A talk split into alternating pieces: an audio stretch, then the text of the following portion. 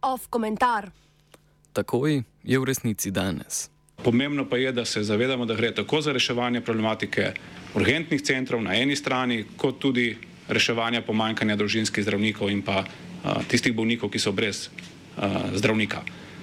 Nobeno teh problemov ne moremo rešiti čez noč, lahko pa začnemo reševati takoj. In ta takoj je v resnici danes. Premijer, zdravstveni minister in ljubljanski župan so v nastopu, ki je jasno pokazal, kdo med tremi gasilci požara v slovenskem zdravstvu je v resnici šef, uradno otvorili leto reform, kot se je ničkolikokrat izrazil Robert Golob. Rešitev seveda še ni blizu, so pa zato pompozno napovedali vnovične analize in sestanke. Danes se z medijacijo Radka Komandine iz zdravniškega društva sestajata minister za zdravje Daniel Bešič Loredan in predstavniki zdravniškega zdravniškega cehovskega sindikata Fides. Do 18. ure naj bi bilo znano, ali se bodo uspeli dogovoriti o stavkovnih zahtevah, ali pa bodo zdravniki in zobozdravniki jutri stavkali. Ne glede na to, ali bo minister z namenom preprečitve stavke pristal na glavno zahtevo po zvišanju vseh zdravniških in zobozdravniških plač za pet plačnih razredov in s tem na nadaljevanje izstopanja zdravnikov iz enotnega plačnega sistema javnega sektorja, že vnaprej vemo, da bodo pri Fidesu prej ali slej svoje dosegli. V nasprotju s pacijenti, ki pod okriljem glasu ljudstva stavkajo že danes in se bodo čez kako uro zbrali na trgih devetih slovenskih mest. Ne, grem poslušati, se jaz ne bom nastopal na stavki, niti še manj bom pa jaz stavkal. Zanimajo pa me tako sami predlogi, ki bodo izraženi, zanima me pa tudi to, da od ljudi slišim neposredno, kaj si o tem mislijo in jaz nimam s tem nobene težave. Kakšno imate pa stališče do stavka zdravnikov, boste njih tudi obiskali? Eh, zdravka, stavka zdravnikov je po vsem tem, kar je bilo večkrat povedano, tako strani ministra, pa tudi sam sem še že o tem opredeljeval, nekaj popolnoma drugega, ker gre za interesni boj, za katerega ne najdemo v resnici zakonskih podlag. Tako da gre za popolnoma dve ločeni zgodbi. Na eni strani imamo interesno skupino, ki je sicer mimo grede celo v manjšini, po mojem vedenju, na drugi strani imamo pa opozorilo, da so bolniki tisti, ki tudi zaradi teh nepotrebnih prepirov, kakršnih koli že, na koncu trpijo. Sam bom s tem izrazil svojo podporo bolnikom.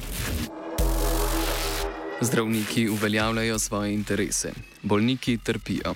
Golobov izraz podpore trpečim bolnikom je približno tako pomemben kot njegovo javno koketiranje s participativno ljubljansko avtonomno cono, krajše plac. Septembra je premijer dejal, da ima v resnici raje plac kot slabo banko. Če tudi ne bi vedel, da slabe banke z novim letom tako ali tako več ne bo, oziroma več ni, saj je vlada njeno premoženje in obveznosti prenesla na slovenski državni holding, bi golobova izjava bila zgolj sladkanje grenke tablete, ki so jo na slabi banki pripravljali v obliki tožbe z zahtevo po izpraznitvi placa. Podobno je danes 130 tisoč bolniki ali pacijenti, ki nimajo osebnega zdravnika. Nobena vlada takoj vsem dostopa do osebnega zdravnika ne more zagotoviti, opredeljevanje. Lahko pa v ambulanti za neopredeljene omogočimo dostop do zdravnika, ko ga bodo potrebovali. Zakaj ne? Če v Sloveniji manjka 300 družinskih zdravnikov, potem vemo, da tega ni možno. In druga zgodba, 120 tisoč neopredeljenih je že mnoga leta. Mi moramo zdaj pač najti pot z spremembami v sistemu, z administrativnimi razbremenitvami, z prenosom kompetenc na kader zdravstvene nege, da bomo osebne zdravnike oziroma družinske zdravnike dejansko razbremenili, potem se bomo pa pogovarjali o številu pacijentov in načinu vključevanja, da bomo res prišli do točke, da kdor se v Sloveniji želi opredeliti, se lahko opredeli. Moramo pa še enkrat povedati, nekaj ljudi se skozi 15-20 letno zgodovino ne želijo opredeliti in ne želijo imeti opredeljenega družinskega zdrav, zdravnika. Če zdravniki bijajo interesni boj z jasnimi zahtevami, imajo pacijenti ali bolniki, v resnici, v resnici državljani, le nedolžne želje. Kakor da bi pri tem, ali nekdo ima dostop do osebnega zdravnika, šlo za posameznikovo željo. Kakor da dostop do osebnega zdravnika ne bi bil temeljni materialni interes delovnega ljudstva. V bitki interesov in želja je zmagovalec znan vnaprej. Še toliko bolj, ker državljanom kot pacijentom s pozivanjem na trge medvedjo uslužijo uslugo delata tudi glas ljudstva in Jaša je nul.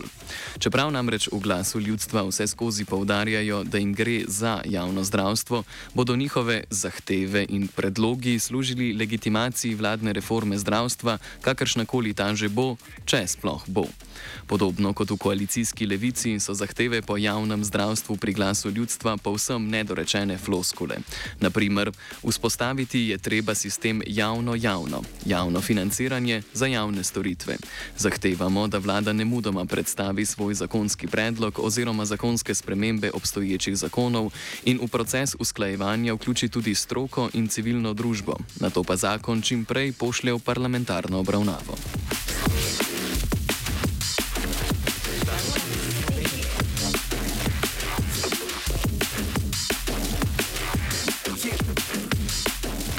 Po drugi strani pa bi lahko konkretnejši predlogi za hitro reševanje akutnega pomankanja osebnih zdravnikov, ki jih imajo pri glasu ljudstva, delovnemu ljudstvu škodovali.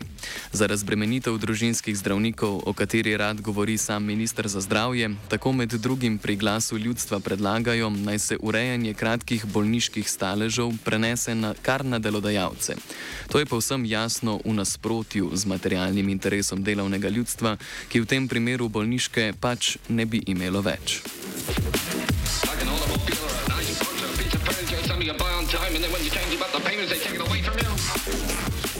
Pri splošnih predlogih je linija glasu ljudstva podobna liniji levice čim bolj jasna ločitev javnega in zasebnega zdravstva.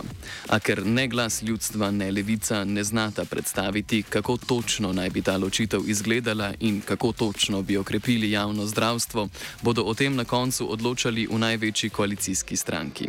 Kot je med vrsticami dal vedeti vodja poslanske skupine socialnih demokratov Jani Prednik, manjši koalicijski partnerici skrbi, da bosta pri reformi zdravstva ostali brez besede. Dejal je namreč, da bo na koalicijski koalicijskem vrhu, ki naj bi se zgodil čez dober mesec dni, verjetno rešitve za zdravstveno reformo na mizo dal zdravstveni minister. Seveda pa se pričakuje, da bodo socialni demokrati in levica pri tem tvorno sodelovali.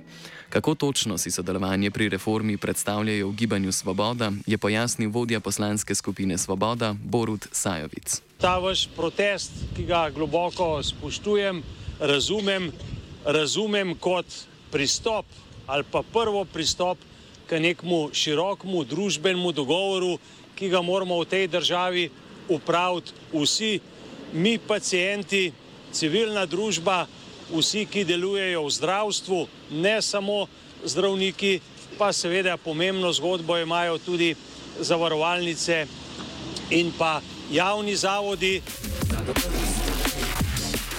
V gibanju Svoboda se padca vlade Marjana Šarca še dobro spomnijo. Zato bodo pomembno zgodbo, drugače povedano zadnjo besedo, imele zavarovalnice. Komentiral je Martin.